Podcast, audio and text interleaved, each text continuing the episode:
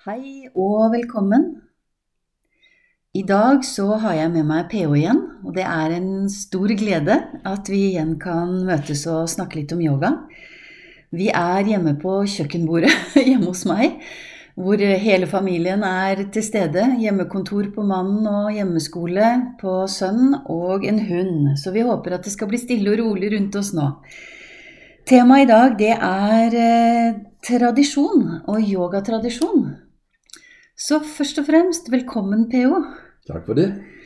Vi skal dukke inn i et tema som både kan være klart, men også uklart. Ehm, når jeg googlet ordet tradisjon, så datt jeg inn i Store norske leksikon.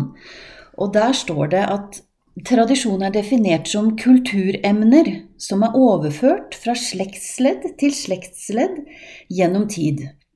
Det har sin opprinnelse fra ordet i latin som er tradere, som kan forstås som å overføre, overgi eller overrekke.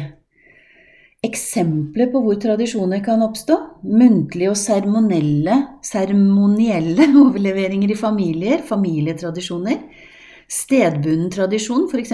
folkeeventyr og folkemusikk. Og typisk for Norge er sånn tilhørende steder. Vi, vi kjenner jo folkemusikk, folkedans fra Gulbrandsdalen og ikke sant? Alle disse tingene. Eh, men det kan også være åndelig arbeid det er relatert til religion eller kultur eller personlig utvikling. Eh, skikk og bruk og flere ting. Og det står også der at det kan være både en muntlig og en praktisk overføring. Og så er det da temaet yoga. Hva betyr ordet tradisjon for oss som praktiserer yoga? Og da ramla jeg over en definisjon på Bihar School of Yoga, som vi jo har en liten relasjon til eh, bak i historien vår.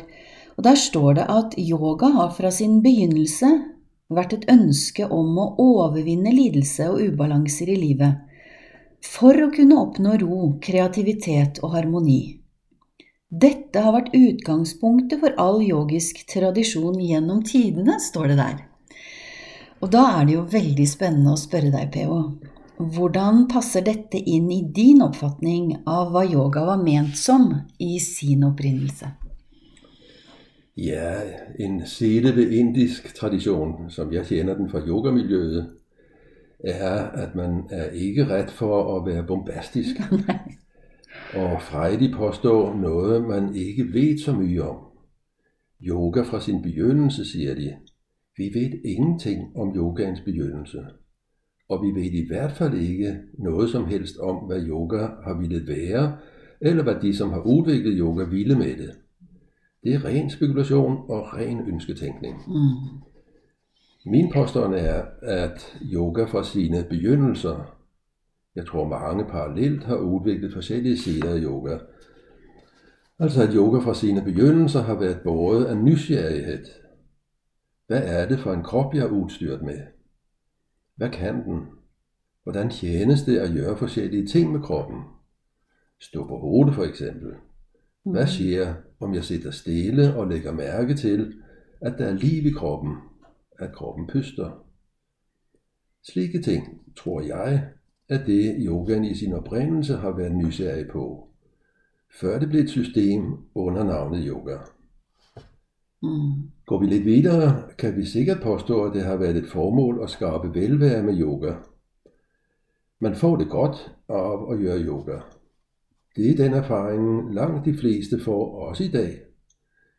Jeg tror ikke noget på, at yogaens formål oprindeligt har været terapi for at overvinde lidelser og ubalancer. Det er let at være med på forslaget om, at yogaens mål har været at opnå harmoni. Indisk filosofi forudsætter stort set, at menneskets udgangspunkt er harmoni. Men harmoni er ikke ro alene, det er balancen mellem ro og aktivitet, mellem energi og ro. Den balancen skaber kreativitet. Mm. Det er nettopp det. Den balansen. Og mange tenker balanse som noe som er 50-50. Men det er det jo ikke alltid. det skal støtte det som trengs støttes i det øyeblikket vi er. Den vekselen. Ja, ikke sant. Ja, så det, det som jeg tenker når jeg leser det der, det er at det å overvinne lidelse og ubalanser, det høres ut mer som en sånn buddhistisk tilnærming. Sånn som jeg man, man hører mye om lidelse, å overvinne lidelse, og lidelse er på en måte noe som vi har i vår natur. Um, så fins det noe i yogaens tidlige historie som sier noe om at yoga og buddhismen har en felles opprinnelse? Ja, det finnes det noe om. Eh, uh, indologen Georg Feuerstein gjennomgikk, ifølge eh, uh, Feuerstein, så gjennomgikk Siddhartha Gautama, ham som vi vanligvis kalder Buddha, selvom Buddha jo egentlig er en titel, som mange andre også har, mm. men ham vi kalder Buddha, Siddhartha Gautama, han gennemgik en yogaoplæring, og det vil på den tid sige, at han lærte meditation. Han skal have været fremhævet som en fremragende elev af flere yogier, og han fik tilbudt om at være leder for deres skoler. Men han ville hele tiden videre i sin søgen, og gik den vejen, som vi kender som hans vej til indsigten, vi kalder buddhismen. Ja. Patanjalis fremstilling af yoga i Yoga Sutra kaldes blandt andet for Samkhya Yoga. Og Samkhya-filosofien har mange lighedstræk eller fællestræk med buddhistisk filosofi. Patanjali gør blandt andet mye ud op at forklare de fem grundlæggende årsager til lidelse. Mm. Ser vi på yogaens ældre historie, har et gennemgående tema i hele den åndelige indiske tradition været at opnå frihed fra reinkarnationscyklusen. Det ses som en realitet i den tradition. Hvordan får man det til? I yogatraditionen har man ment, at det er muligt at træde ud af den evige rundgang af genfødsler ved at kvitte sig med sin karma. Bevidstgøre det, som styrer ens liv bevidstgør alt det, man bærer med sig som påvirkningsfaktorer i livet. Også dem, som er skjulte for det åbenbare blikket. Mm. I Patanjalis fremstilling er yogaens mål at fremkalde en så stor grad af stillhed i sindet, at det bliver muligt at få øje på, at bevidstheden er noget, som står alene, uden for sindet. Han definerer yoga slik. Yoga er at sørge for, at der ikke opstår aktivitet i sindet. Mange oversættelser siger, at yoga er at stanse sindets aktivitet, eller yoga er kontrol over sindets aktivitet. Sætningen i Sutra 2 lyder på sanskrit Yoga Chitta Vritti Nirodha. Begrebet Nirodha betyder etymologisk ikke-fødsel. Det vil sige sørge for ikke-fødsel, eller sørge for, at det ikke opstår. Og det er noget andet end at stanse eller kontrollere. Mm. Ja, det er nettopp det. Det å sørge for at det ikke oppstår en aktivitet, det kan vel oppfattes som at det er litt mer komplisert enn hvordan det er å stoppe eller kontrollere noe. For det er jo ting vi er vant til å gjøre. Det må vi gjøre hele tiden. Men det å jobbe med seg selv sånn at det ikke står opp aktivit, oppstår aktivitet, det er et helt annet game, opplever jeg. Eh, ja, det, det krever noe annet av oss som mennesker. Hva tenker du om det? Eh, hva er det vi kan gjøre i dagliglivet? Er det noe sånt, eller er det noe som bare er der når det er der?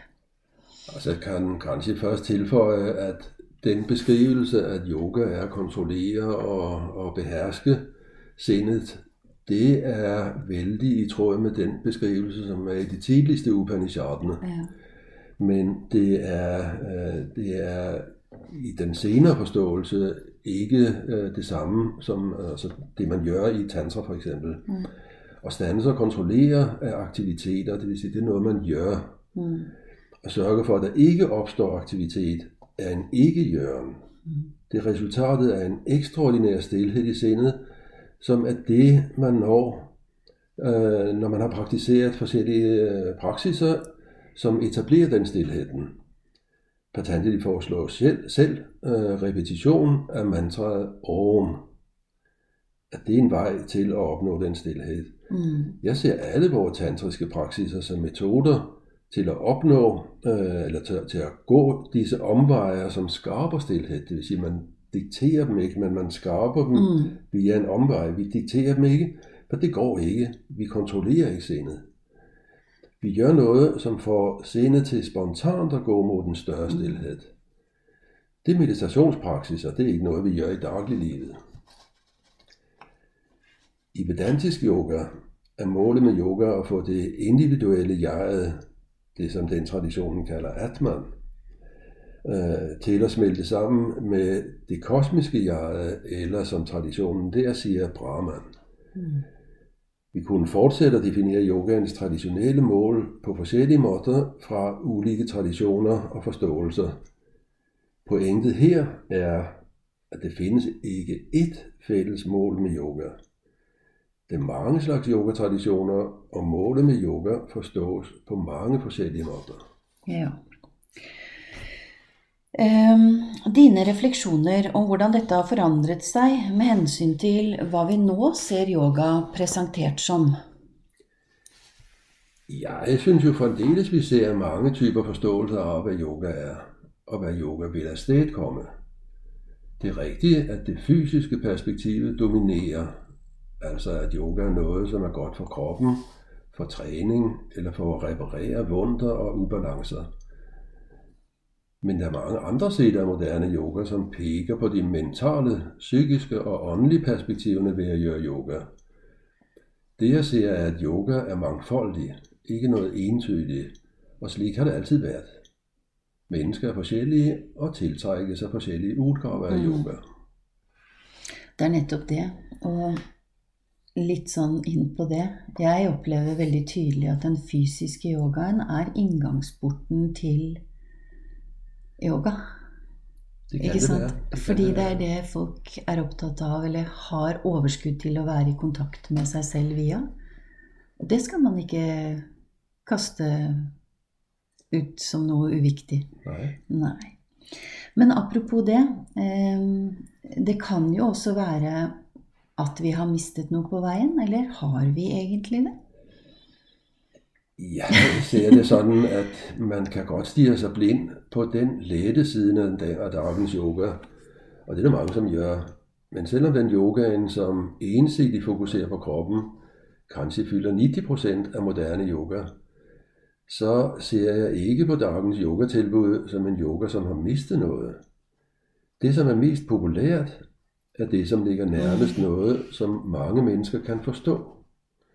Vort samfund har mye fokus på kropslig helse, form, udseende, og der er det ikke så rart, at det er de præsentationer af yoga, som inviterer til det samme perspektivet, at det er de, som får mest respons.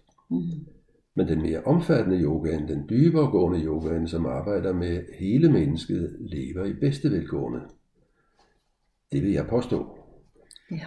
Jeg vil sige, at yogaens vandring til Vesten i løbet af de sidste 100, cirka 130 årene, det begyndte cirka 1893 med en yogi, som rejste til en, en verdenskongres i religion i Chicago, og det regnes på noget som den moderne, den starten på den moderne øh, vandring af yoga til Vesten. Mm.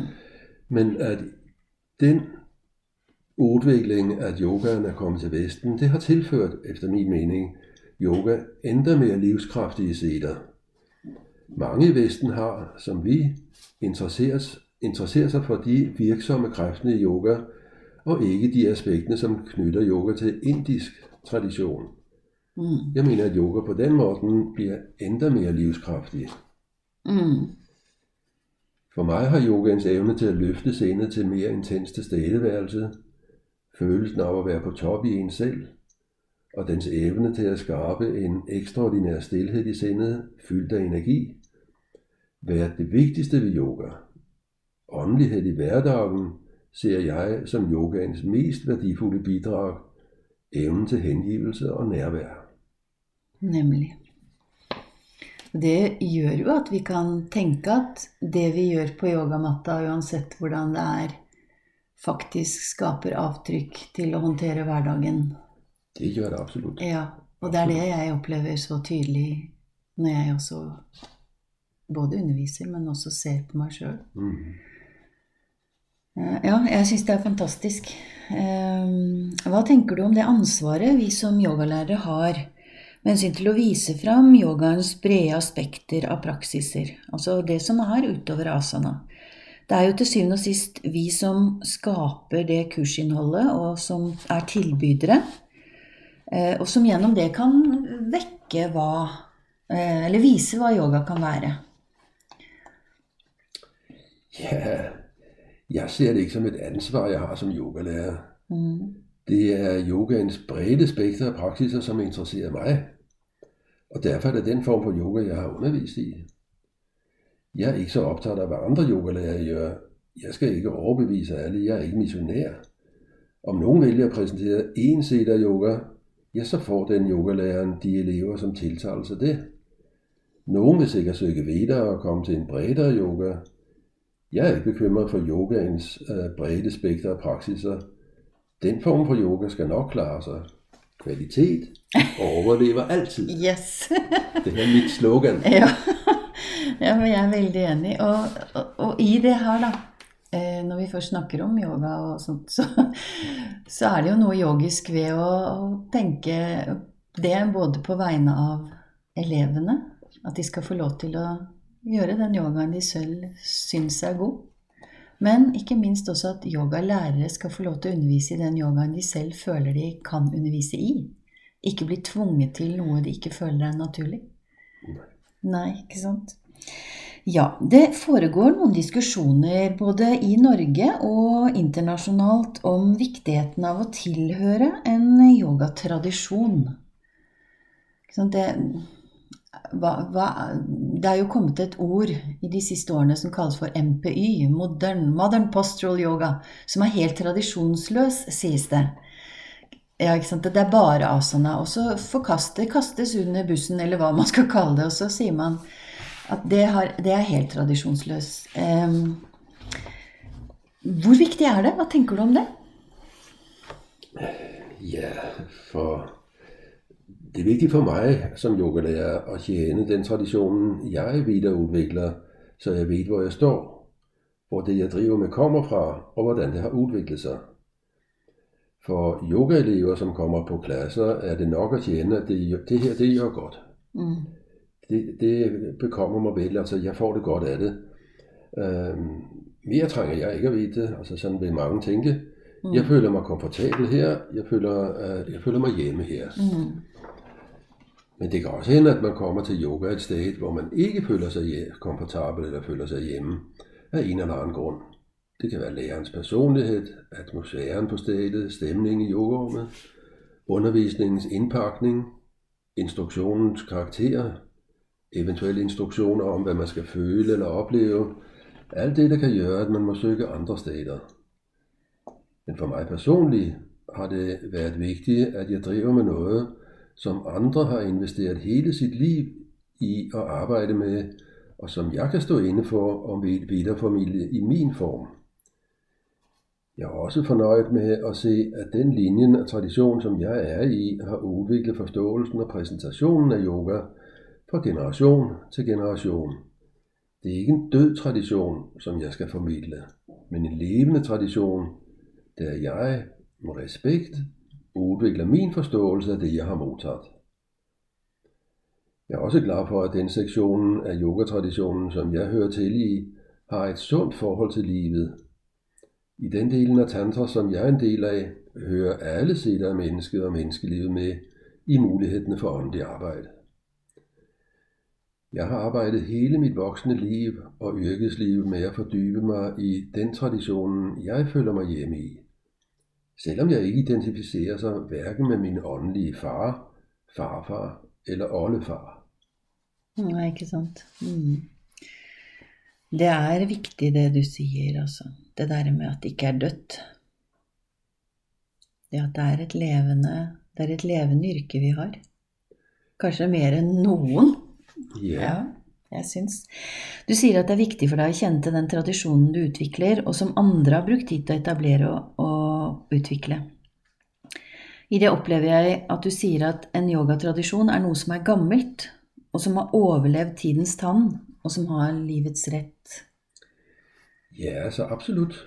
Øh, Den tradition, jeg føler, at jeg tilhører, er en tradition af overføring fra lærer til elev, som så selv bliver lærer og overfører til sine elever osv. Langt, langt tilbage i en ukendt historie.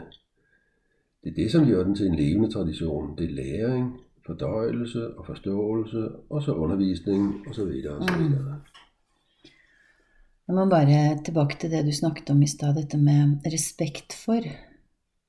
Jeg tror når man opplever å ha en lærer som har en åpen tilnærming, men allikevel står tydelig i sin egen tradisjon, men har en åpen tilnærming til at det kan være flere ting der, så oppnås det en større grad av respekt eh, og ønske om å videreformidle med respekt enn hvis man blir pålagt veldig mange ting.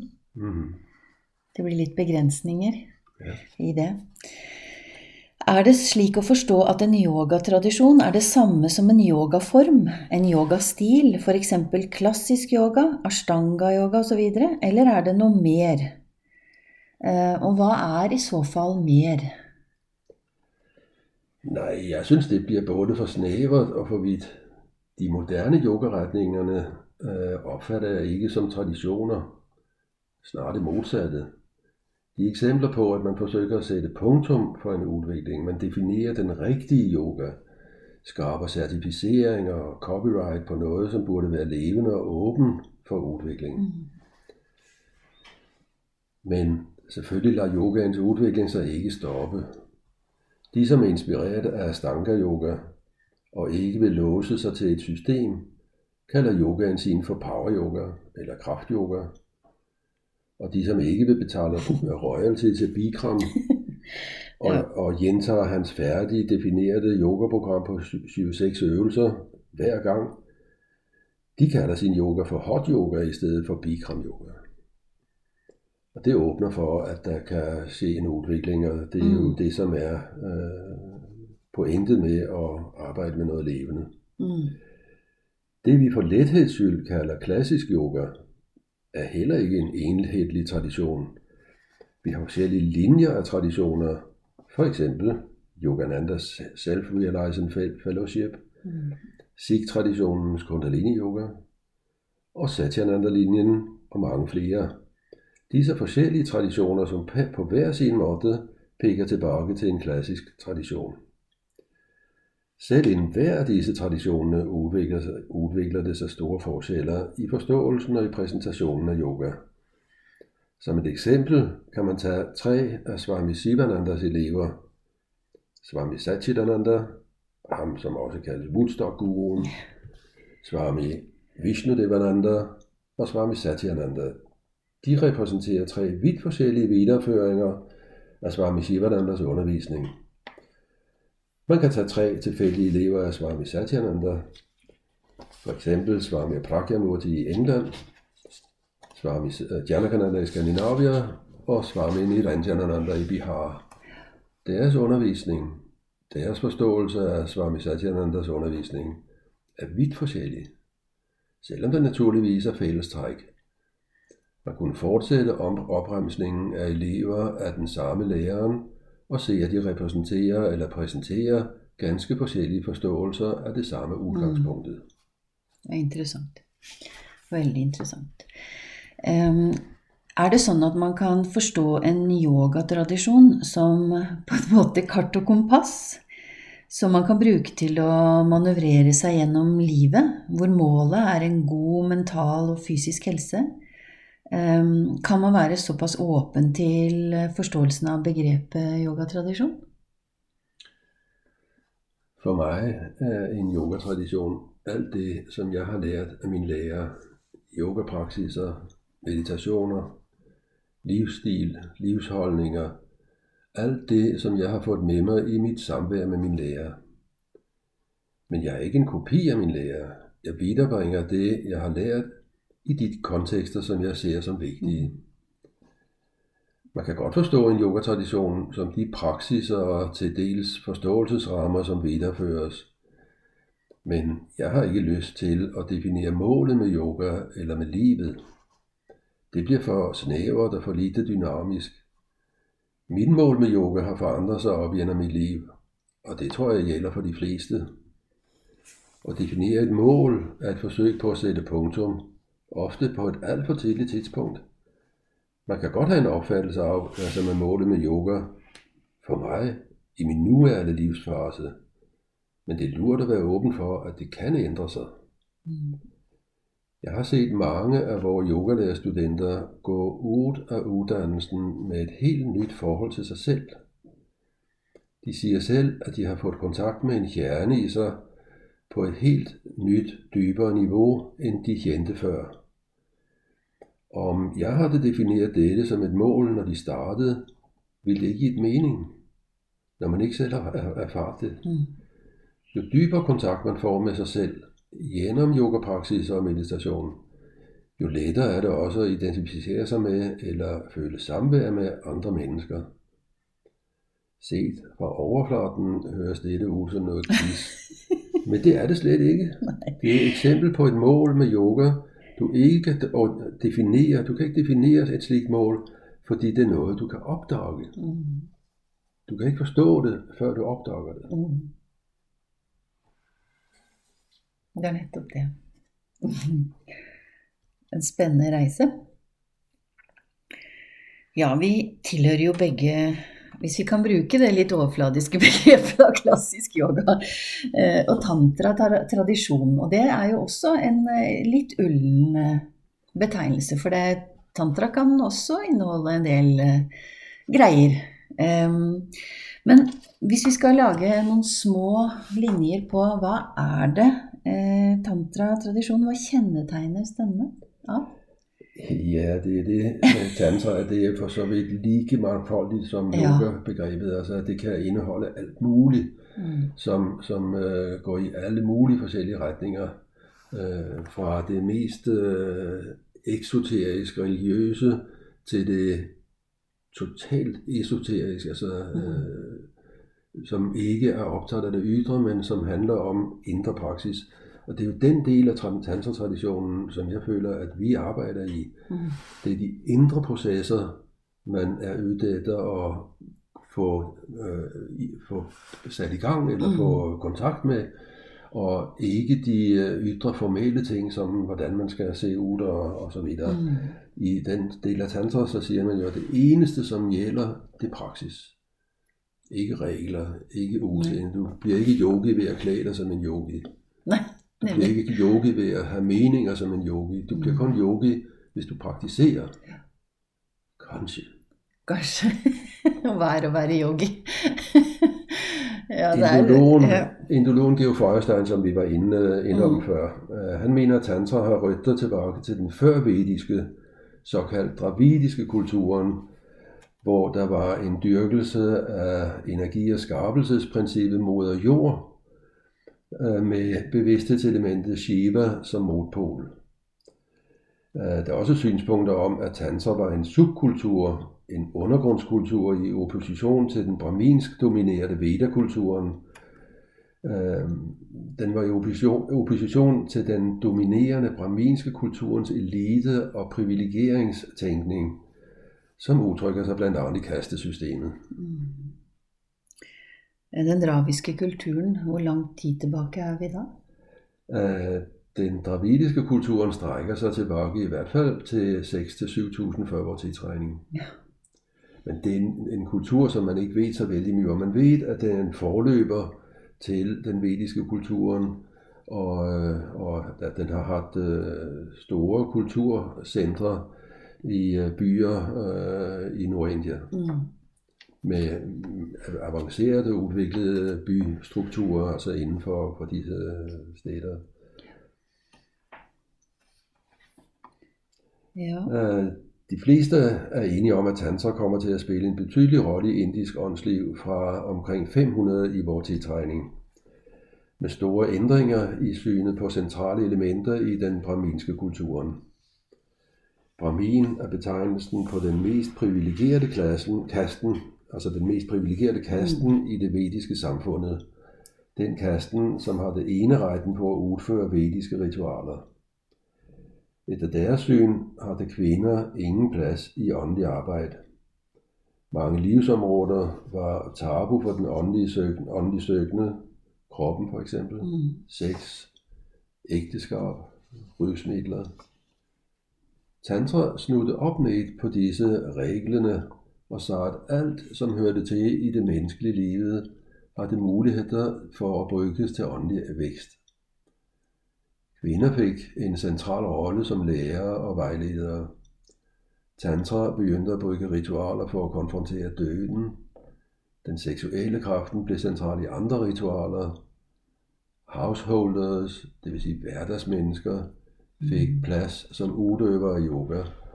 Yoga blev ikke bare forbeholdt svamier og sarduer eller eneboere. Nej.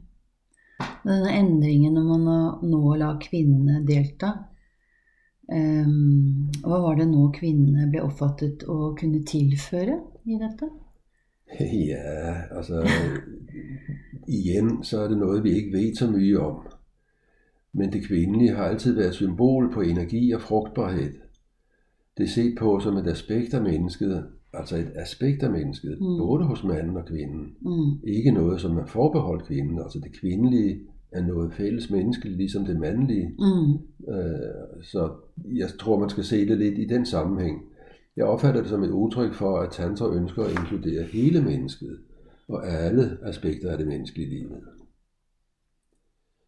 Revurdering af kroppen som indgang til dybere åndelig arbejde blev starten på en opblomstring af den fysiske delen af yoga. Rundt 1000-tallet i vores tidregning regner man med, at den fysiske yoga sammenflettet med arbejdet med meditation vokste frem i en større bredde.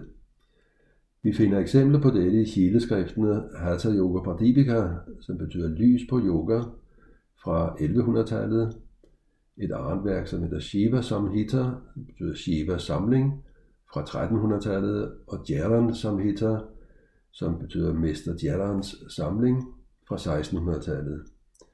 I tillæg findes det tantriske værk, blandt andet om chakrasystemet, fra middelalderen, for eksempel The Serpent Power, som blev oversat til engelsk af en britisk dommer i det kolonistyrte India, Sir John Woodruff og han udgav det under pseudonymet Arthur Avalon. Mm. Tantra-traditionen i dag fremstår som en yoga med et bredt, en bredt, bredt integreret yoga. En yoga, som favner både hatha yoga, den fysiske yoga med stillinger, det som kaldes asana, pusteøvelser, det som kaldes pranayama, energiholdninger og dæmninger, det som kaldes mudra og bandha, og en lang række tilnærminger til afspænding og meditation. Det findes grene af tantra, som har en mere religiøs tilnærming, men den vigtigste gren af tantra i dag er den livssynsneutrale retning, som er den, vi videre udvikler.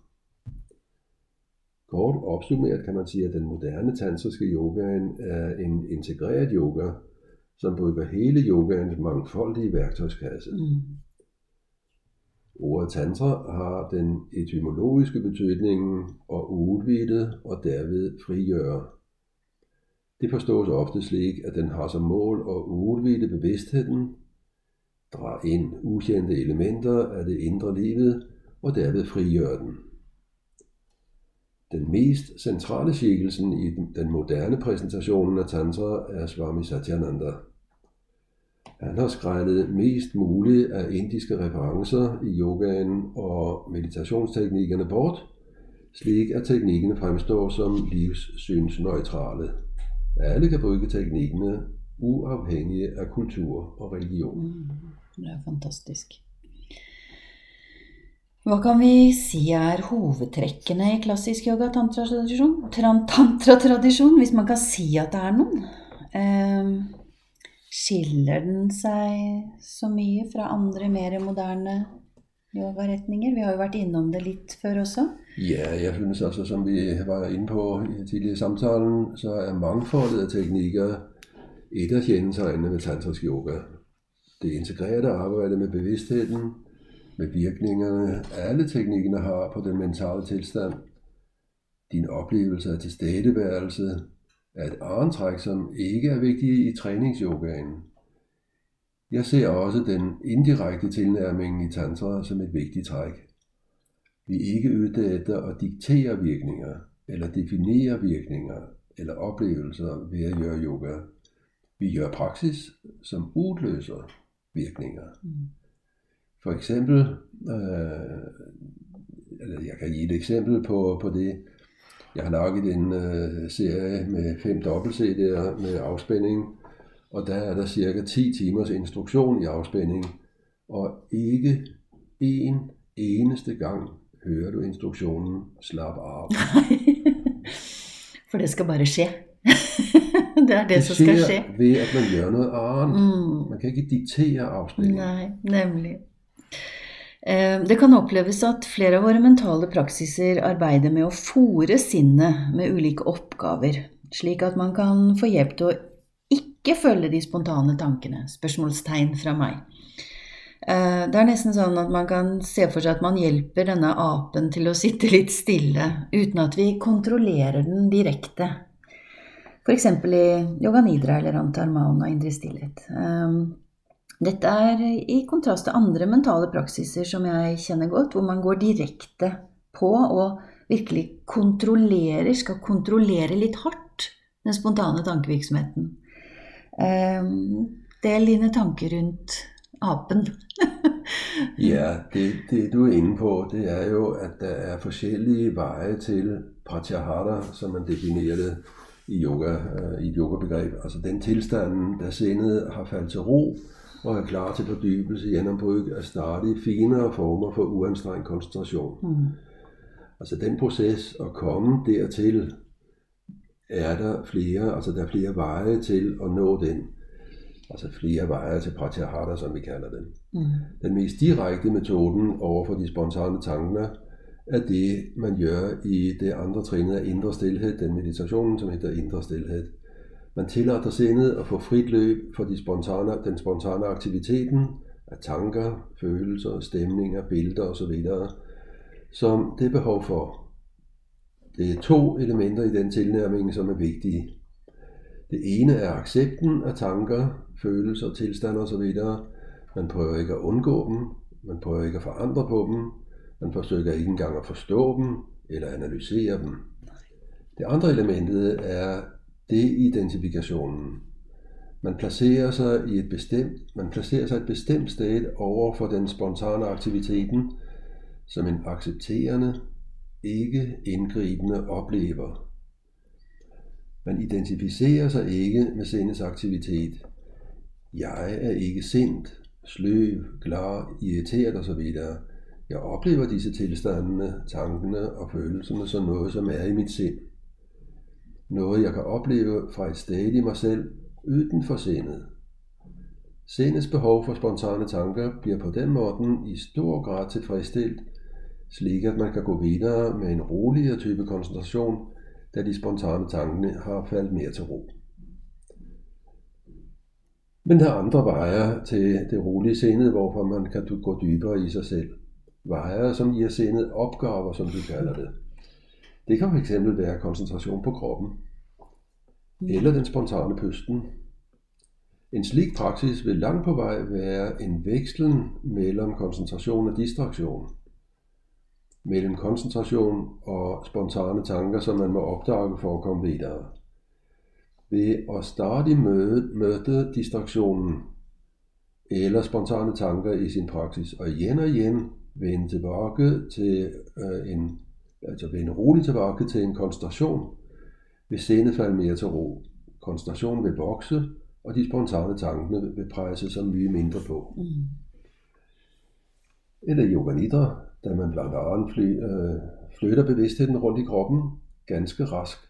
Man koncentrerer sig vældig kort tid på et sted, så, så flytter man koncentrationen til, en anden, øh, til et andet sted og har en kort praksis der, øh, gennem alle dele af kroppen.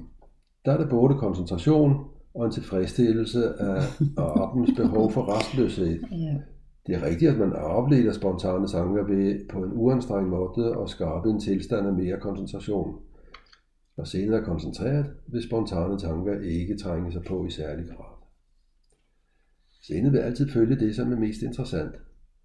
Giver man sindet opgaver, det finder interessant, vil det let og ubesværet følge dem. Det kan udvikles til koncentration. Mm. Plutselig så sitter apen litt stille. I et lite øyeblikk. Ja, den har fået rast fra sig. ja, veldig fascinerende hva den apen kan finne på som, eh, for at du skal bli revet med igjen. Ja.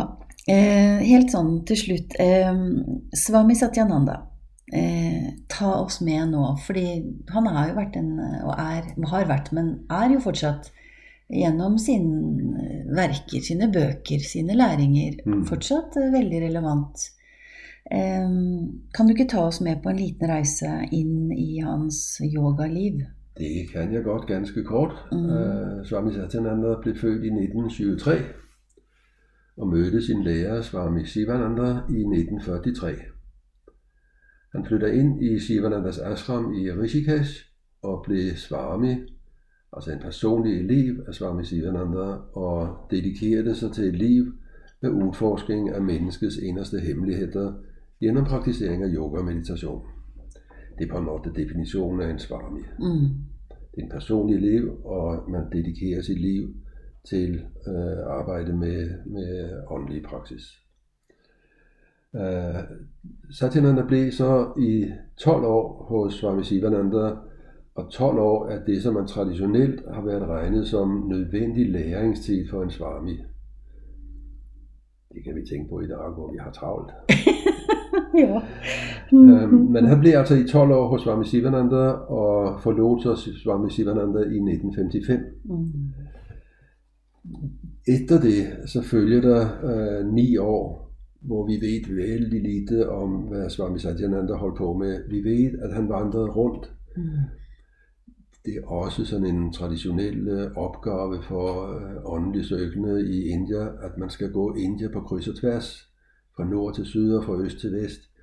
Og Sa- Satyananda be- begav sig ud på en slik rejse, og vi ved sådan uh, antydningsvis, at han har mødt mange yogier i fjellene og i landsbyer og alle mulige steder, og han har lært af disse tantrikere, Mm. kvinder, alt muligt forskelligt. Det er alt sammen vældig sådan øh, løst og lite øh, klart beskrevet. Øh, indre, de liker ikke at være alt for tydelige på sin historie og heller ikke på sine referencer. Så det er sådan, det er. Men han har vandret rundt i India i ni år og, øh, og lært mere end det, han lærte, og andre ting end det, han lærte hos Mm. og Sivananda. Så i 1964 øh, slår han sig ned i Bihar. I nord Bihar er en delstat nord i India, og det er faktisk den fattigste og den mest kriminaliserede delstaten i India. Altså, så det var ikke noget sådan øh, optimalt sted at etablere en yogaskole, men det gjorde han Mm. sandsynligvis netop fordi det var sådan. Mm. Øh, og det, den blev snart internationalt berømt. en lille krølle. Øh, den blev snart internationalt berømt, og min lærer, Swami Janakananda, danske, Ja. fik sin indvielse til Swami der, og sin uddannelse som yoga- og meditationslærer der i årene 1969 til 70. Så han var der i et år eller halvandet, øh, Ikke de tolv? ikke 12. Nei. Så kom han tilbage til København og begyndte at undervise i høsten 1970. Og jeg mødte ham i januar 71. Men Swami Satyananda trak sig tilbage fra driften af Bihar School of Yoga i 1988. Han var der 65 år og øh, overlod ledelsen til Swami Niranjanananda. Uh, øh, Niranjanananda var en gut, som er født i 1960, og som Satyananda tog til sig, når han etablerede sine ashram. Ja, vi får la den maskinen bare gå i bakgrunnen. Øh, Så han blev en slags adoptivsøn, kan man Ja, sige, i ashrammen øh, som fireårig, Mm. og blev på en måde uddannet til at være Satyanandas afløser. Mm. Det blev han også. Så han overtog ledelsen i 1988, og øh, på det tidspunkt så vælger øh, Satyananda at trække sig tilbage til et liv i meditation. Ja. Alt det her etter, fuldstændig etter indisk øh, standardtradition. at det er det, man skal gøre i sidste fase af livet. Så han flytter til en liten landsby og sitter og mediterer øh, på sin måde. Men han får jo fremdeles besøg af mange øh, af sine tilhængere, eller Mm. øh, folk, som vil, øh, gerne vil besøge ham og høre ham sige noget klogt. Øh, så der var tidspunkter, hvor det var muligt at gøre.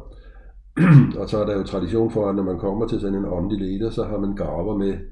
Men Satyananda, han definerede, at ja, han skulle ikke have nogen gaver, så hvis man ville have en gave med, så kunne man have noget med til nytte for landsbyen. Mm. En kalv eller en geit Mm. eller noget i den stil, og det gjorde folk så også. Mm. Øh, Janakananda og en gruppe fra skandinavisk yoga, de besøgte ham i, øh, i øh, tror det var i 2003, altså når han var blevet øh, 80 år, Mm. og havde med så den type Det er gaver til ham. ikke sant.